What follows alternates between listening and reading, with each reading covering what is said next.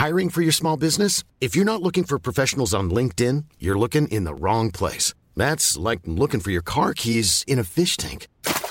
LinkedIn helps you hire professionals you can't find anywhere else, even those who aren't actively searching for a new job but might be open to the perfect role. In a given month, over 70% of LinkedIn users don't even visit other leading job sites. So start looking in the right place. With LinkedIn, you can hire professionals like a professional. Post your free job on linkedin.com slash people today.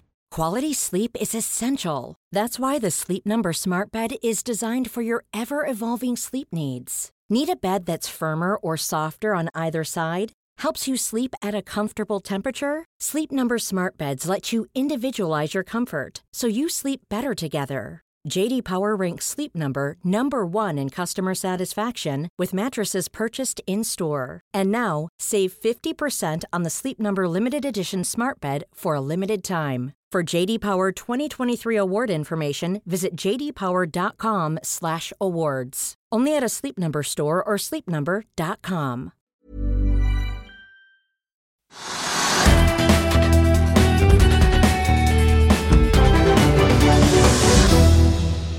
På to år har vi gått fra en verden som stengte ned så raskt at man i USA tidvis fikk betalt for å ta imot olje, og der aktører på norsk sokkel faktisk lurte på om de klarte å få solgt oljen sin, til en verden der selv store energiselskaper tidvis sliter med å levere nok energi, og der Tysklands grønne økonomi- og klimaminister nå varsler mer kullkraft, rett og slett for å spare opp nok gass til vinteren. Hva er det egentlig som har skjedd?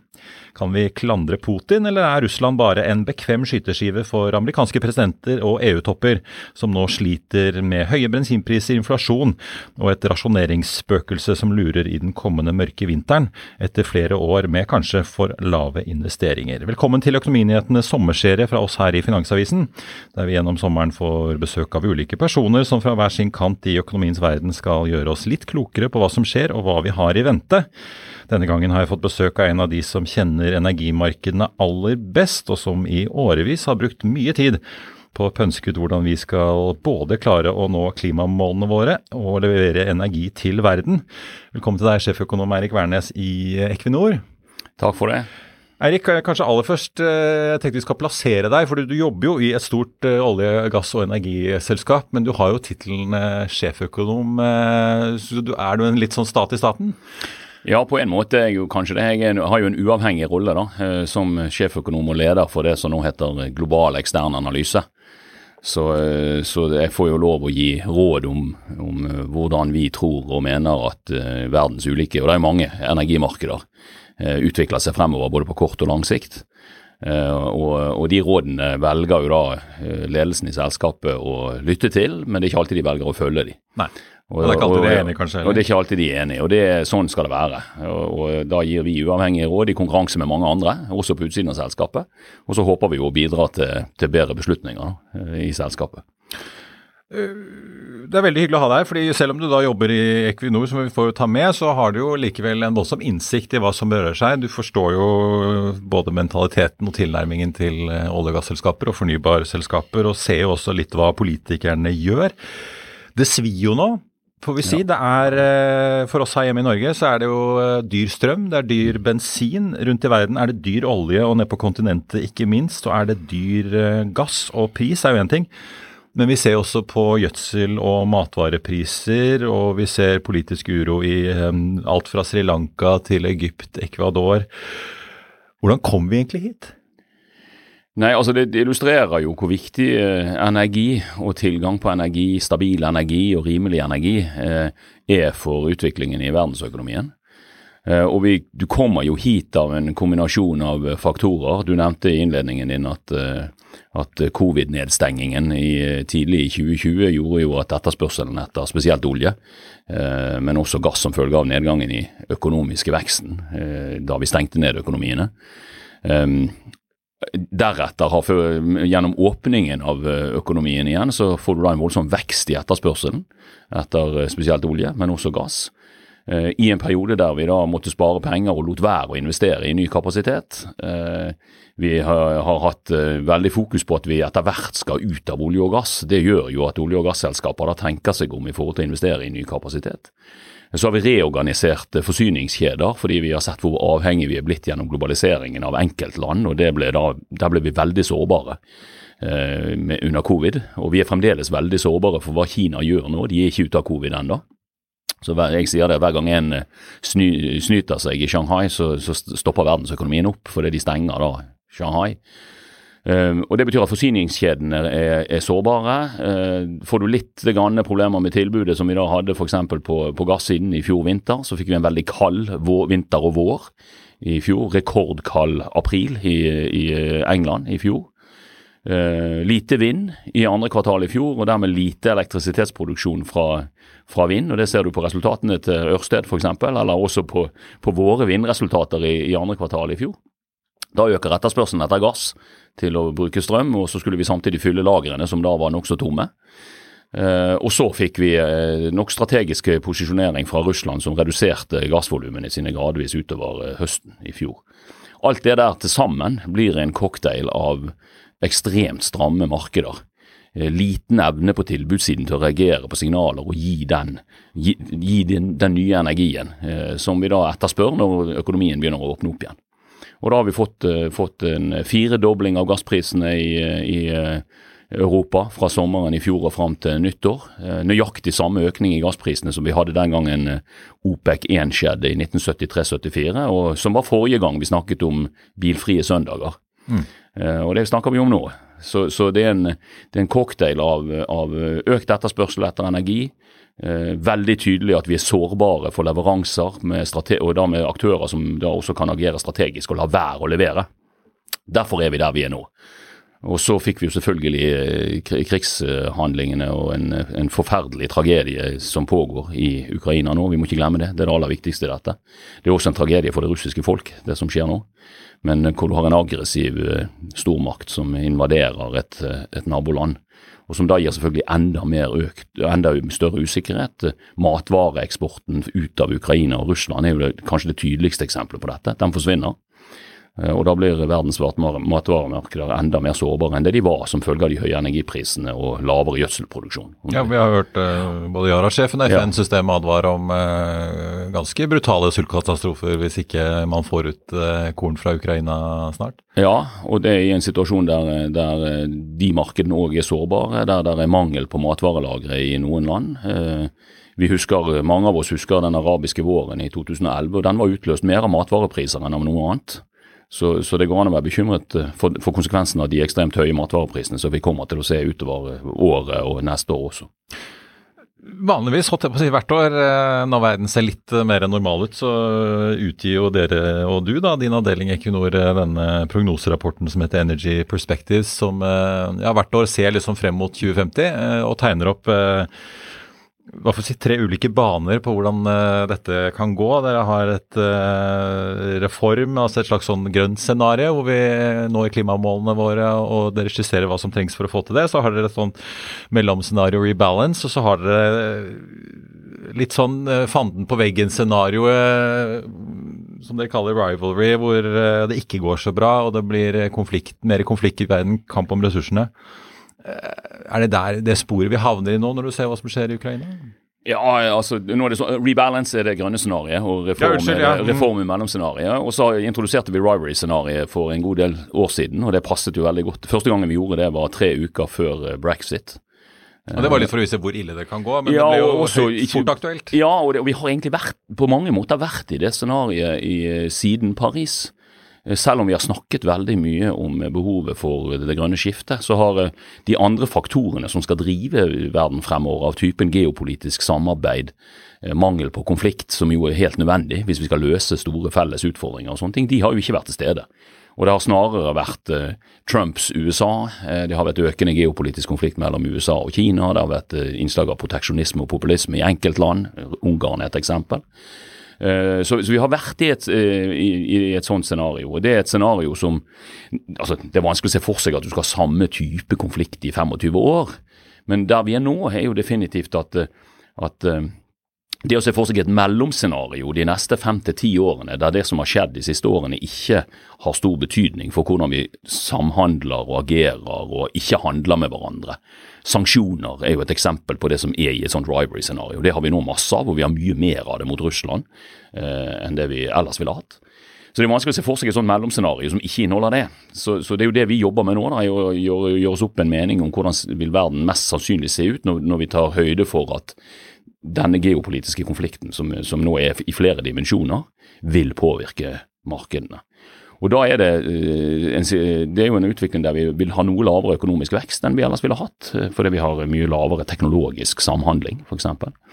Eh, vi setter større restriksjoner på handel, så vi kjøper ting fra en annen leverandør, selv om det er dyrere enn eh, fordi at det er feil. Man kjøper amerikansk LNG istedenfor billig russisk rødgass? For, for eksempel, sant? Og vi, og, vi, sliter med å få tak i microchips, for de skulle kommet fra Ukraina. Eh, da må vi få det et annet sted fra, det tar lengre tid. Eh, vi har noen leverandørkjeder som er preget av, preget av, av flaskehalser og restriksjoner og sånne ting. Så, så og, og samarbeidsklimaet rundt globale løsninger finnes jo ikke. Eh, men så kan du, kan du, godt ha eh, større regional fart i energiomstillingen. Altså spesielt der du kan kombinere eh, det grønne skiftet, som vi sier på norsk, eller energiomstillingen, som det bør hete, med, med, det å gjøre seg uavhengig av de vi ikke liker. Så kan du se, definitivt tenke deg at vi nå ser økt fart i energiomstillingen i Europa, og økt vilje til å gjøre det. Der du definerer fornybar energi ikke bare som et svar på på, på det, den delen av det vi kaller energitrilemmaet. Eh, er jo behovet for bærekraftig utvikling krever en balanse mellom det å ha rimelig tilgjengelig energi, det å ha en sikkerhet for energien blir levert. og Det gjelder da både geopolitisk, men også teknologisk. Altså Vi må ha energi også når det ikke blåser. Sånt. Så Det er jo en security of supply-problemstilling. Og så må vi få ned utslippene, lavkarbon. De siste årene har vi nesten bare, i Europa nesten bare snakket om å få ned utslippene. Så har vi glemt security of supply. Vi har glemt behovet for rimelig energi inntil i fjor sommer. Men før vi liksom da går løs på energimarkedet, hvis vi mm. bare ser på det klimaperspektivet på det, da, for dere har jo da skissert liksom hvordan man kan komme i mål med de klimamålene som er satt. Vi har jo sett internasjonale energibyrået har også gjort noen lignende regneøvelser eh, for å illustrere det. Men det, ja, kan vi havne i en situasjon der eh, kanskje Europa klarer det fordi man nå vil fri seg fra russisk olje og gass og setter ordentlig fart i ting? Mens verden som helhet sliter med det, rett og slett fordi eh, det er krig og konflikt. Og av ren nødvendighet så ser vi jo land som India kjøpe billig russisk olje på rabatt fordi den ikke selges til Europa. Ja, og det er jo, det, det er jo sånn at, eh, at eh, altså Tragedien på en måte er jo det at, at, selv om Europa skulle klare å levere på sine mål, så når jo ikke verden klimamålene. Og det hjelper nesten ikke. Det vi, det vi må bidra med er selvfølgelig teknologiutvikling og vise hvordan det kan gjøres. Og så må vi samtidig klare å levere energi til den delen av verden. Altså Fire milliarder mennesker i verden bruker en tiendedel så mye energi per capita som det vi gjør i vår del av verden. Eh, det å få levert mer olje til India er fantastisk i forhold til livskvalitet, hvor de da kan bytte ut eh, biomasse, eh, ved, eh, inni husene sine, avfall med LPG, altså med, med kerosen. altså De går fra kerosen til propan. Få seg gassgrill, rett og slett? Ja, ja og, og, og, det vi bruker når vi, når vi fyrer opp primusen vår sant? til å varme huset og lage maten. og Da får du en fantastisk forbedring av luftkvalitet og livskvalitet. Så, så vi må ikke glemme det. At, at, det å tilby den formen moderne energi i en overgangsfase er veldig bra for en stor del av verdens befolkning. Men vi må løse begge delene, og det er det som er den store utfordringen her. er jo til tilby nok energi til en verden som, som, trenger mer energi. Ikke i Europa trenger vi ikke mer energi, men her skal vi bytte den ut. Men, eh, men i resten av verden. Og samtidig gjøre, få utslippene ned. Og det er noen, Vi investerer for lite i dette globalt sett, og det har vi gjort lenge. og Det påpeker jo IEA også. Og Da tenker du fornyb og stubb fra, fra, fra, solceller til ja, uh. Altså, ja. hvis, hvis, vi skulle vært på vei mot, mot det 1,5-gradersscenarioet som IEA lanserte i fjor, uh, så burde vi nå de siste årene og fremover til 2030 investere tre-fire ganger så mye i fornybart, i elektrisitetsinfrastruktur, i lager, i mineraler som er nødvendig i det, som det vi gjør. Tre-fire ganger så mye. Når vi ikke gjør det, så medfører jo det at etterspørselen etter kull, gass og olje ikke går ned. Når den økonomiske veksten kommer og vi trenger mer energi, og vi ønsker mer energi for å drive den økonomiske veksten, hvis du ikke har alternativer, så får du det du ser nå, at den grønne energiministeren i Tyskland, selv han, eh, aksepterer økt kullforbruk. Så vi investerer for lite der. Og så er utfordringen at vi på den annen side, de siste årene, så har vi investert akkurat nok i olje og gass til å holde følge med etterspørselen i et sånt 1,5-gradersscenario. Den etterspørselen skal da falle med 40 til 2030, hvis vi skal følge IEA sin anbefaling. Det skjer jo ikke. Og Det betyr at når vi investerer så lite, altså vi investerer 400 milliarder dollar i året, eh, det er akkurat nok til at tilbudet kanskje faller med 40% til 2030, så er jo det oppskrift, dette er jo oppskrift på en energikrise. Da, da får du for høy etterspørsel etter olje og gass i forhold til det som er i stand til å leveres. Og så har du, har du ikke nok etterspørsel etter fornybart fordi at det er ikke nok tilbud. Altså, så, du, så, vi klarer ikke å erstatte olje og gass. Så det, så det er en veldig vanskelig miks. Så vi må investere mye mer i ny fornybart eh, globalt, og det er vanskelig å få til raskt.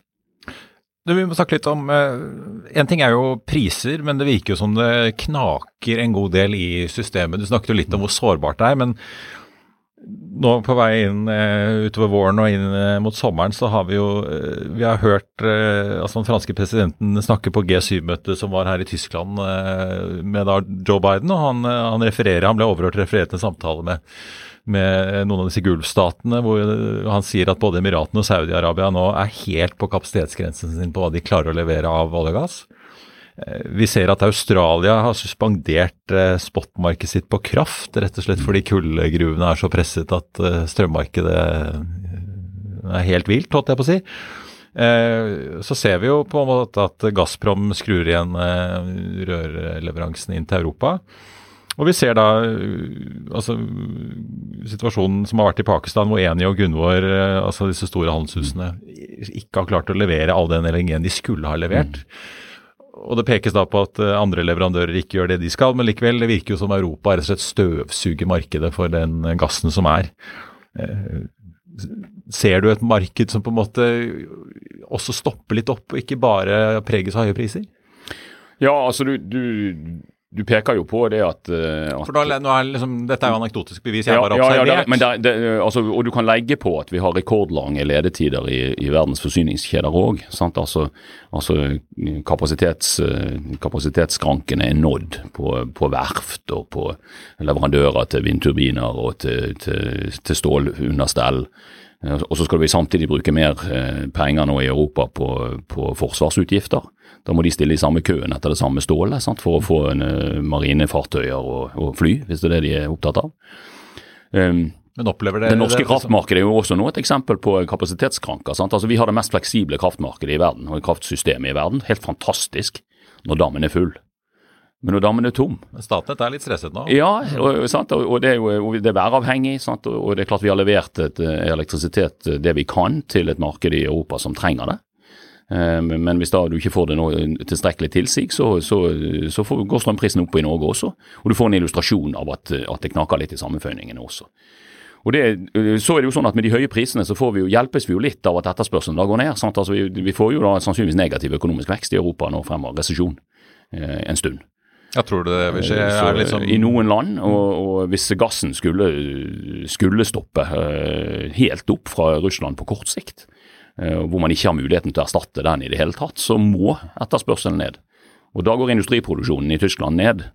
Eh, og Da får du en økt arbeidsledighet og negativ vekst en periode. Så man får jo den balansen. Men, men det er rett at eh, at selv om det er nok relativt grei balanse i sånn i oljemarkedet f.eks., så er det, en, det er en balanse som er på veldig liten ekstra produksjonskapasitet, så det skal lite til.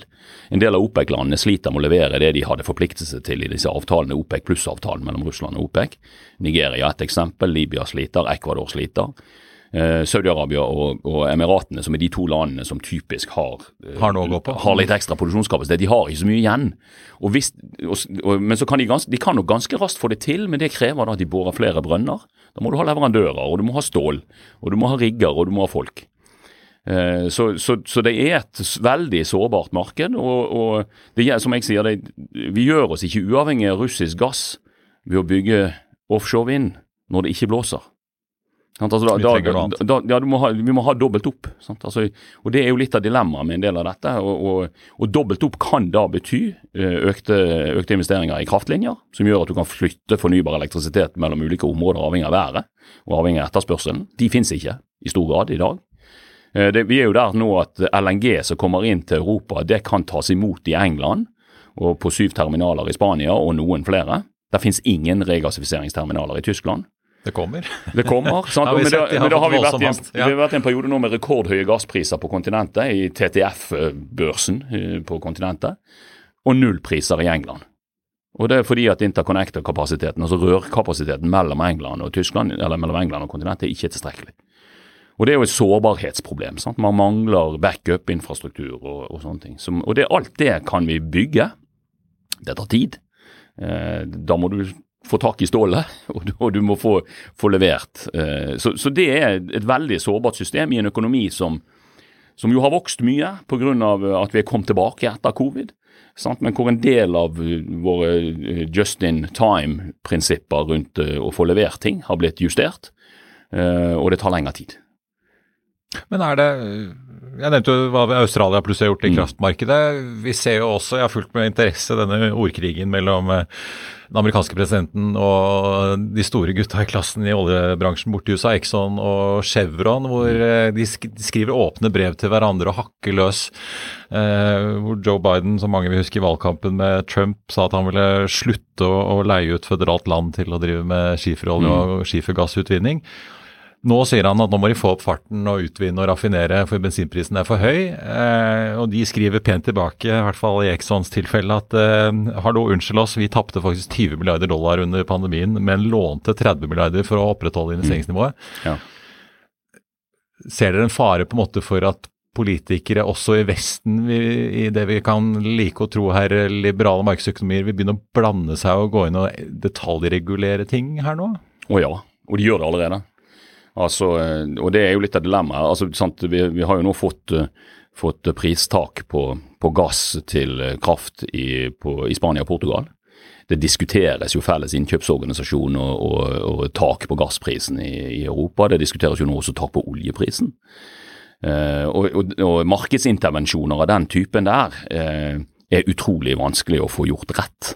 Eh, Det gir selvfølgelig noen investeringssignaler til å ikke investere for de som leverer dette. Eh, og det gir veldig dårlige insentiver til å eh, altså, Det gir veldig problemstillinger knytta til hvordan skal du da rasjonere olje og gass hvis ikke du skal bruke prisen som rasjoneringsmekanisme. Det har vi jo hatt eksempler på i Norge for eh, 30-40-50 år siden også. Eh, både på, på renter og banklån og, og, og andre ting. Så du, du, du, kommer ikke unna at du må rasjonere. Det blir fort rasjonere. penger under bordet, i hvert fall Ja, de som i hvert fall var i boligmarkedet før åpningen, husker jeg. Ja. Ja, og, du, og, og de aktørene som er redd for å bli koblet ut da, i en rasjoneringsmekanisme, de vil jo da investere i alternativer av typen eh, en dieselgenerator i, i, i bakgården, som da kan produsere strøm hvis, det, hvis du er redd for at du blir koblet ut på strømmarkedet. Sant? Så, så, så, men, men det, det andre litt, det mer, mer alvorlige problemet knytta til, til samspillet mellom myndigheter og energiselskaper for det langsiktige her, er jo at de sitter er klart at etter Paris eh, etter endringene i klimapolitikken, som er nødvendige, eh, så har jo ekstremt mye av det politiske fokuset vært på å gi signaler til at vi trenger ikke olje og gass etter et gitt antall år. For de som eh, står på den siden. Eh, Du skal leite en stund etter signaler fra Brussel og Berlin eh, og Oslo eh, om behovet for å investere i nye olje- og gassleveranser etter 2030-35, hvis du leter noen år tilbake.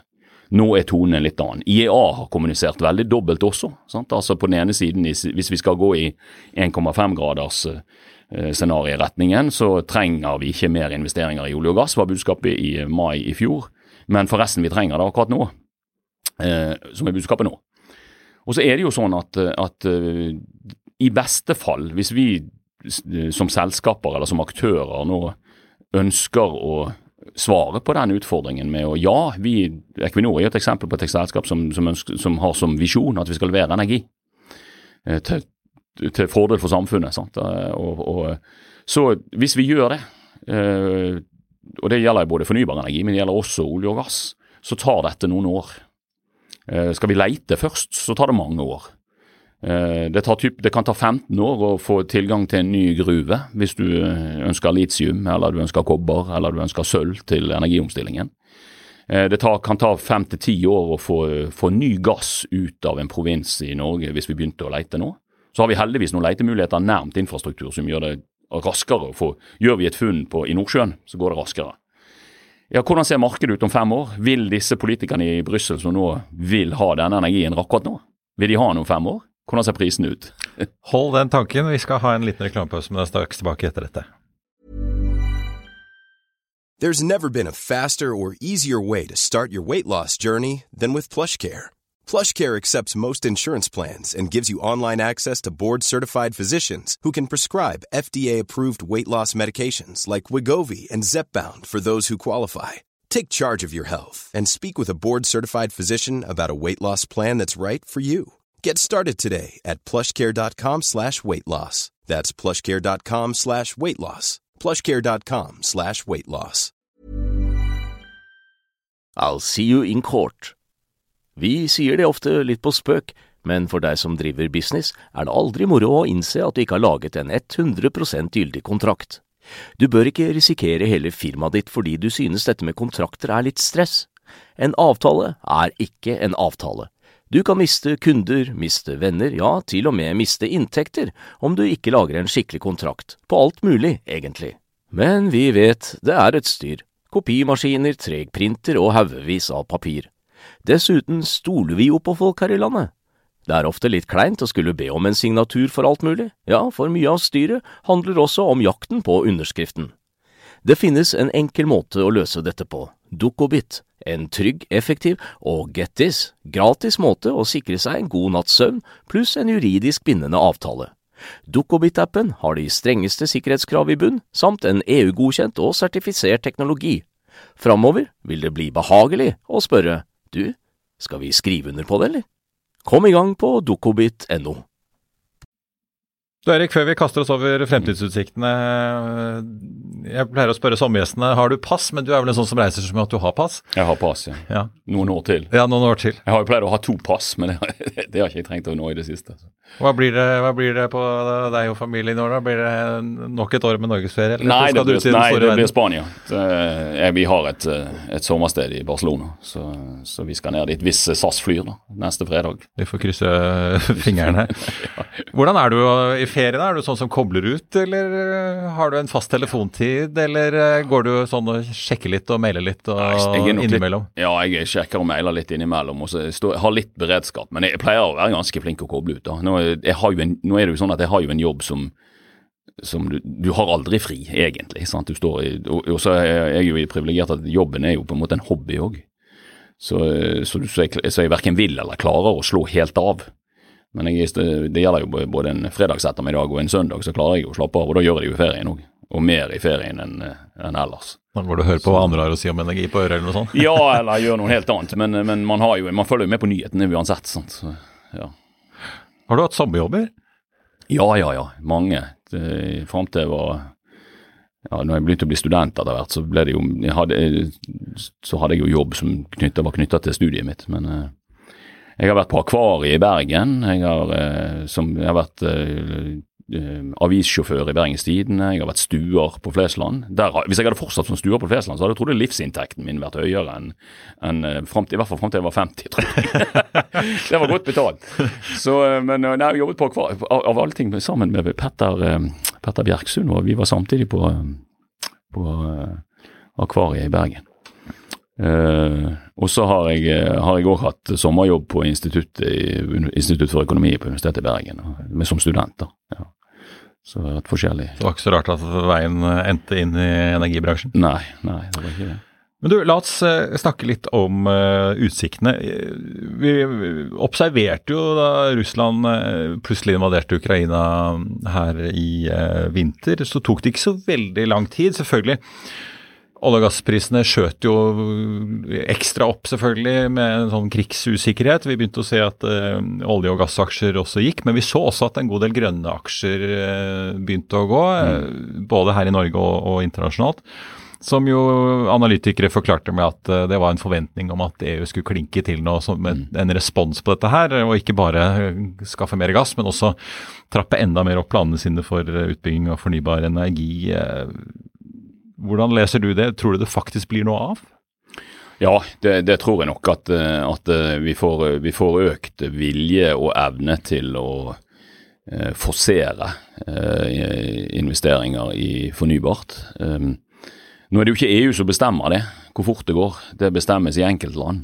Eh, men et eksempel på den viljen er jo, er jo de nyetablerte målene for, for offshore vind i Norge. Et annet eksempel på hva som skal til, er jo den tyske omleggingen av politikken hvor, eh, hvor, fornybar energi, og spesielt hjemmeprodusert fornybar energi, heter nå Freiheitsenergi og er blitt en del av sikkerhetspolitikken. Det gjør at sånne Ikke to amerikaner som hadde funnet opp Ja, nettopp. sant? Men, men det gjør jo, og da, når du får en del som er i sikkerhetspolitikken, så går det fortere å få godkjenning på dette. sant? Altså, det kan du jo være bekymret for i forhold til konsekvensutredninger på naturinngrep og sånne ting. sant? Fordi at, at det, er jo, det, er jo, den type utredninger som ofte gjør at dette tar lengre tid. Um, der vil være økt vilje til å støtte denne type investeringer, som jo fremdeles trenger enten støtte eller i hvert fall en form for avklaring av markedsbetingelser og market design. Um, men det er jo fremdeles sånn at, at det, det, det, er på en måte tilgangen på prosjekter som er begrensende her. Det, det finnes energiselskaper i verden, som har, eh, Equinor inkludert, som har finansiell kapasitet til å gjennomføre denne type investeringer hvis de lar seg gjøre, altså hvis du får lov. Så, så, det man kunne vente på nå, er jo, er jo Macrons uh, politikk når det gjelder å legge til rette for offshore vind i Frankrike, som jo har kontinentaleuropas lengste kystlinje. Altså, uh, så det må komme. Det blåser i Bretagne, som Også, du sier. Ja. Så, ja, og så må du stå i køen da, for å få tak i stålet, og så turbinene, uh, bladene.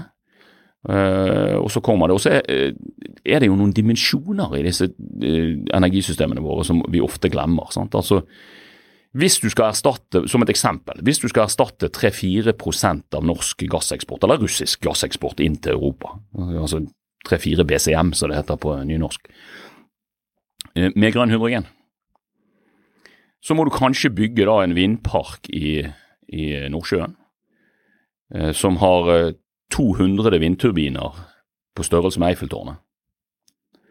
Og så har du kabel til land. Og så skal du ha en elektrolysefabrikk på land som, kan, som er på størrelse med 30-40 fotballbaner. Det er liksom et område. Det blir fort et, et Mongstad liksom på nytt. Ja, ja. Og, og, og, 200 Eiffeltårn med 20 megawatt eh, vindmøller som vi foreløpig ikke har bygget, men som må bygges. Det er svære Og de har, der, du har turbulens og sånne ting, så de, de må være spredd over et ganske stort område. Eh, det er mye stål, det er mye glassfiber. Eh, så skal du ha et hydrogenlager. Sant? For det, det, hvis, ikke du skal bruke, altså hvis ikke du skal være avhengig av at etterspørselen svinger i takt med din evne til å produsere elektrolysen. Du må gjerne ha en strømkabel inn i anlegget når det ikke blåser. Det er svære investeringer. Og vi glemmer fort hvor stort det, det energisystemet vi da eventuelt skal erstatte er. Og 150 milliarder kubikkmeter med gass, som er det Russland typisk leverer, Eh, det er ikke gjort over natten å erstatte med, med, fornybar strøm og grønn. Og så er det jo ikke bare elektrisitet her, sant? Altså det er molekylene vi trenger i stor grad i industriproduksjonen f.eks. Mm. Så, så dette må vi få gjort. Og vi må få gjort det mye fortere enn vi har gjort det til nå. Og som jeg sa i sted, så, så trenger vi altså i hvert fall å tre-firedoble dette på verdensbasis. Men det kommer til å bli forsert i Europa. Ja. Altså det, det, kommer til å gå fortere enn det ellers ville gjort. Men ikke, det, er ikke, det, er ikke, det, er ikke, mulig å gjøre dette raskt nok til å unngå negative konsekvenser av å, å redusert gassimport fra, fra, Russland. Men hvordan leser du Nå har vi jo i ukevis og månedsvis diskutert denne famøse inflasjonen som jo sentralbankene verden rundt gjør det de kan for å prøve å bremse. Men den treffer jo også da fornybarnæringen som altså Oljenæringen har jo vært vant til at ting går opp og ned i pris i mange sykler. Fornybarnæringen har vel levd i en verden nå i 10-15 år hvor prisene stort sett har falt.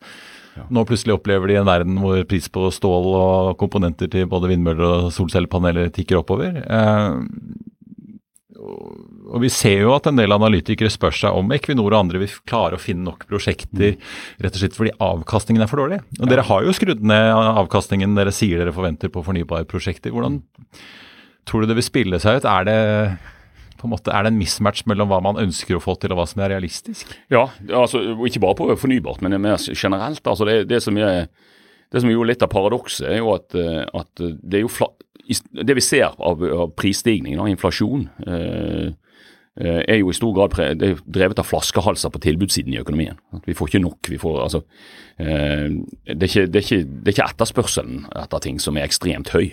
Den er kommet tilbake på global etterspørsel totalt sett er jo kommet tilbake på det nivået den hadde i 2019, men det er jo det, det tilbudssidens manglende evne til å levere som er en av grunnene til at, eller hovedgrunnen til at vi nå har høyere priser.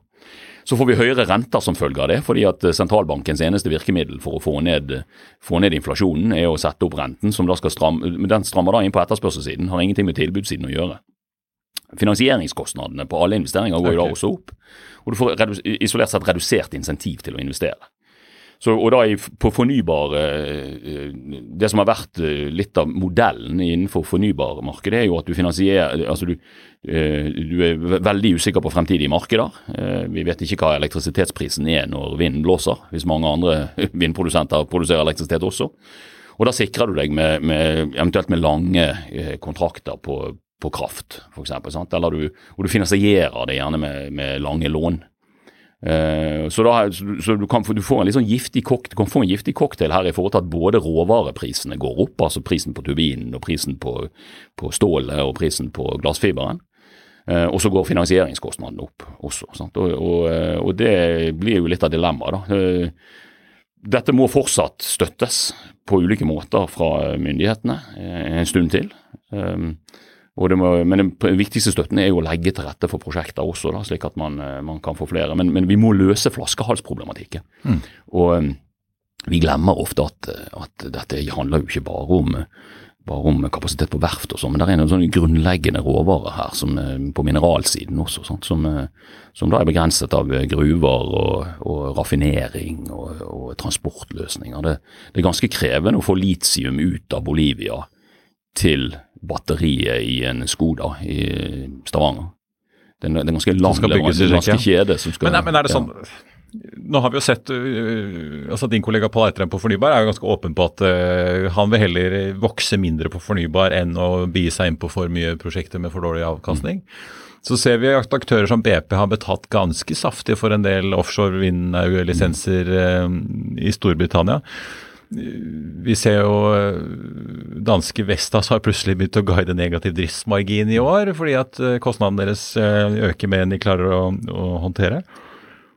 Risikerer vi at vi får en slags sånn dotcom-boble i fornybar, at det blir satt i gang ting med altfor lav avkastning, rett og slett fordi man sitter med for mye penger og man har noen klimamål man gjerne vil møte utad, så man setter i gang med ting med en liten bismak, og så ja, eh, altså det er jo slik at uh, For det første så, så skal altså, alle vi som er i, energi, store energiselskaper er store i, energibransjen globalt, uh, vil jo fortsette å levere energi. Og så vi, er vi jo både ønsker og påkrevd å gjøre det med gradvis mindre utslipp. Uh, og Da vil vi investere bredere. og Så gjør vi det på litt ulik måte, avhengig av hvor vi kommer fra og hvilken type nedstrømsorganisering vi har, og har vi tilgang til enkeltkunder osv. osv. Uh, og så er det ingen av oss som har lisens til å drive butikk uten å tjene penger. Og Det betyr altså per forventning, sant? altså på forhånd, så må vi tjene penger. Og så er det litt ulike risikoer ved disse tingene, som gjør at du kan ha litt lavere avkastningskrav på, på de tingene der du f.eks. kan låse inn prisen lenge, som typisk kan være en langsiktig kraftkontrakt.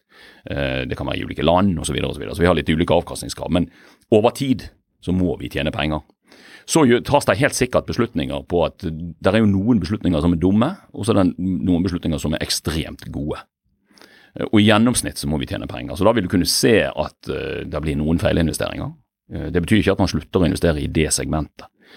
Hvis vi nå får veldig rask vekst, støttet vekst eller tilgang på prosjekter på, i ny fornybart, Eh, så, vil, så vil, vil, For det første så blir det jo da litt mindre konkurranse om akkurat de prosjektene, sånn at vi kan ha litt større håp om å tjene penger. fordi at alle disse aktørene som skal inn der, har litt flere prosjekter å by på. Eh, på den annen side så går kostnadene opp.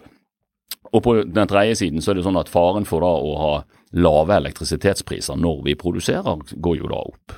Og Da, vi, da blir jo usikkerheten rundt markedsdesign og hvilken pris har vi når det det er flere hundre timer i, året i nå allerede hvor, hvor strømprisen i Tyskland er null eller hvor du må betale for å bli kvitt strøm. Det er typisk når vinden blåser og det er liten etterspørsel etter. Da gjelder det å ha elbilen plugget i? Ja. ja. sånn, sånn at, eh, at eh, så det, og det samspillet der er så, så, Men jeg, altså, den, den, underliggende trenden i retning av energiomstilling, sånn, den er tung. Den forsvinner ikke nå. Men vi må klare å håndtere de kortsiktige utfordringene også samtidig. Du, til slutt vil jeg innom utsiktene for olje og gass. Um, vi ser nå at uh, hvis du ser på de store globale aktørene, så er det en del av de som øker investeringene ganske kraftig. Uh, Chevron øker investeringene sine i år med 50% til 18 milliarder dollar. Exxon har varslet at de går fra 16 milliarder dollar i fjor til et nivå på mellom 20 og 25 milliarder i årene fremover. Mm. Dere Equinor eh, har ligget ganske jevnt egentlig gjennom det. En, dere hadde jo en intern krisepakke under eh, pandemien, men uh, dere har varslet at dere skal ligge ganske jevnt i dette tiåret. I Midtøsten, i Gulfen, så både hører man om at det er brennhett og mye aktivitet, men man ser det jo også. Qatar deler jo ut noen voldsomme kontrakter på, på dette Northfield East LNG-prosjektet, som blir verdens største. Og så ser vi at EU nylig hadde besøk av våre, våre alles eh, olje- og energiminister Terje Aasland. Som møtte altså energikommissær Kadri Simson og, og EUs uh, mektige visepresident, som jo leder det grønne skiftearbeidet der nede, Frans Timmermans. Hvor de altså kommer med en uttalelse etterpå hvor det er en ny setning som er lagt inn fra det vi har sett før, i hvert fall, hvor de sier at eh, Norge har betydelige olje- og gassressurser, og at Norge gjennom leting, nye funn og feltutvikling kan fortsette å være en stor leverandør til Europa også etter 2030. Mm. Er den setningen der og det vi ser et tegn på at eh, olje og gass får seg en ny vår, rett og slett pga. alt som har skjedd? Altså det, det, er i hvert fall et, et, helt klart signal om et politisk skifte i dialogen mellom EU eh, og de store leverandørene av energi. Eh, Norges rolle og Norges popularitet i Brussel er jo sterkt økende. Eh, og eh, Norge må på en måte, Vi må bestemme oss for i Norge da, vi skal, hvordan skal vi håndtere den rollen. hvis, du, hvis du samler elektrisitet, olje og gass, er vi verdens sjette største nettoeksportør av energi. Eh, og vi blir nå største leverandør av gass til Europa. Eh, Oljedirektoratet leverer jo analyser hele tiden som viser at vi foreløpig har produsert og solgt vel halvparten av ressursene. Det betyr at det ligger jo mye igjen. Eh, så kan det være ressurser som er dyrere og vanskeligere å få tak i, og de kan være i mindre samlinger og sånn, så det blir, blir vanskeligere og sånn, men det ligger iallfall et ressurspotensial der. Um, og den oljen og gassen som kommer fra Norge, den er mer miljøvennlig i alle dimensjoner enn eh, en alternativene, både når det gjelder utslippsreguleringer og når det gjelder metan. Eh, og den produseres stort sett med lavere energiinnhold, slik at CO2-utslippene i produksjonen er lavere også. Um, vi har, Som Equinor så har jo vi en portefølje av veldig spennende prosjekter som gjør at vi vet at vi skal investere fremover. De som nå jekker opp investeringene sine mye, det kan være fordi de har gjort noen svære funn eh, som da krever investeringer. Exxon Mobil har typisk svære funn i Guyana som, som da krever investeringer hvis vi skal ta de ut. Så akkurat det med timingen av når investeringene går opp og sånn. Vi skal investere mye mer i lavkarbonløsninger og fornybart fremover, og det, kommer til å være en stor del av, en eventuell vekst i våre samlede investeringer. kommer til å være i det i det spekteret. Men så ser du jo at vi må gjøre ting her som, som gjør, det, gjør, dette smart. Vi investerer nå i gasskraftverk, som potensielt kan bli hydrogenverk, men hvor, som er gasskraftverk i en stund. Som kan bli en god kombinasjon med fornybart. Så det er masse sånne forskjellige muligheter. da. Men som bransje Men, så så vi jo, altså under oljebremsen fra 2014-2015 og utover, så så vi en kraftig reduksjon i investeringsnivåene samlet sett ja. for liksom hele olje- og gassbransjen. Ja, Og der er vi jo det vi er Og så kom jo et nytt kutt under pandemien. Ja, vi er på, liksom. på altfor lavt nivå til å altså, Vi er på altfor lavt nivå globalt i investeringer i olje og gass til å holde tritt med en oljeetterspørsel på 100 millioner fat og en gassetterspørsel på 4000 eh, milliarder standard kubikkmeter. Eh, og hvis, så hvis det blir etterspørselen fremover, så må vi investere mer. Men gir dette som da EU faktisk skriver, er det, er det en reell forutsigbarhet som kan trigge investeringer? Enten det er fra norsk rørgass, eh, kanskje LNG, eller amerikansk LNG, eller ja, altså Det er jo litt, litt, tilbake til det som er dilemmaet, som som jeg, nevnte tidligere. Det er jo det at uh, akkurat nå er det en voldsom etterspørsel etter all ikke-russisk energi. Og hvis vi, det, hvis vi, reiser til Brussel og sier at nå har vi lyst til å leite mer fra norsk side, så tror jeg det blir tatt veldig godt imot. Ja, for det er liksom på jakt etter Er det men, men hvor lenge var Er det walk, tar EU walk the talk her, holdt jeg på å si? Altså, altså, Det er jo det som er usikkerheten også med politiske systemer. igjen, er jo det hvor, hvor populær Hvor lenge er en sånn uh, uttalelse gyldig? Uh, det er definitivt behov for denne uh, for oljen og gassen. Uh, og, og der kommer til å være et marked for, for olje og gass som er konkurransedyktig på kostnadssiden lenge. Eh, men spørsmålet er, spørsmålet er, jo de politiske signalene. Som, som, eh, hvor, lenge, hvor, lenge, varer denne viljen til å investere i olje og gass? Uh, så, så, så det, her kommer nok energiaktørene til å være nokså balansert og forsiktige. Ting som kan leveres til markedet raskt, som har kort nedbetalingstid, som har moderate kostnader. Det, det, det, kommer det til å bli investeres i. Men, men jeg, jeg, tror nok man vil tenke seg om i forhold til, til ting som you know, begynner å produsere i 2030, krever 100 dollar fatet og, og, og, og en lang nedbetalingstid. Men da kan vi jo Men, eh, kanskje ha en vedvarende energikrise, da, hvis vi på en måte ikke klarer å bygge nok fornybar, og ja. heller ikke tar de store langsiktige investeringene i mer olje og gass? Det, det er jo det, ja. Det er jo det som er dilemmaet. Hvis vi bare sitter og skviser sitronen det jo sånn at, eh, at de, der er jo noen aktører her som vi venter litt på. Sant? Altså Når du har oljepriser på 120 dollar, eller mellom 110 og 120 dollar, så, så skiferoljeprodusenten i USA som jo har en, en industri som, der de typisk kan få altså De produserer en, en, brønn i et halvt år og har payback på den eh, veldig raskt. De har jo ikke begynt å investere veldig mye ennå etter krisen, etter pandemien. Eh, de har brukt tiden nå på å reparere, reparere regnskapene og balansene sine. Påført kapitaldisiplin. Yes. Mm. Uh, og sitter, så, så, men så må de gjøre det da i et marked som er preget av mangel på arbeidskraft, mangel på stål, mangel på lastebiler, Uh, og litt usikkerhet om, om uh, regjeringen i Washington sin vilje til å se dette som en økt mulighet. Så, så de, der er jo noen aktører der. Mens det, jo, mens, mens det man skal vente litt lenger på, er jo, er jo uh, sånn front, altså leiting langt ute i havet på dype vann som krever helt ny teknologi og ny seismikk og sånne ting. Det, det er en, en, type beslutninger som, som nok krever noe mer moden. og som, der man, Ja, det gjør vi. Men da gjør vi det ikke pga. At, at eh, politikere plutselig ser behov for energi akkurat nå. For den energien kan ikke leveres nå. Den kan leveres om 15 år.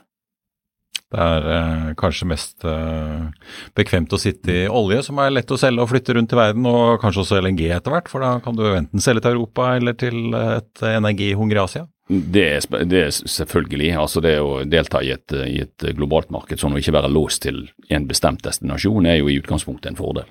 Og Så koster det litt mer, og det er mer CO2-utslipp knytta til LNG enn til røregass, så man må liksom avveie det òg. Er det famøse triangelet? Det er det famøse triangelet. Eirik Wærnes, sjeføkonom i Equinor, tusen takk for at du kom til oss, og god sommer. I like måte. God sommer til alle sammen. Det var det vi hadde for deg i denne omgang, men vi er tilbake om ikke lenge med en ny episode, så husk å abonnere eller følg Økonominyhetene der du hører på podkast. Og husk at vi også har mange andre podkaster eh, her i Finansavisen om alt fra bil til klokker, gründere og kunst. Så det er bare å søke opp Finansavisen i podkastspilleren din. Produsent Lars Brennen Skram og jeg, Marius Lorentzen, takker for at du hørte på, og så håper jeg vi høres snart igjen.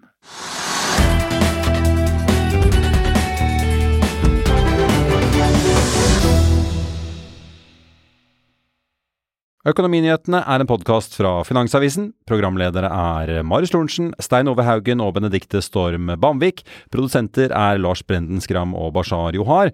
Og ansvarlig redaktør er Trygve Hegnar.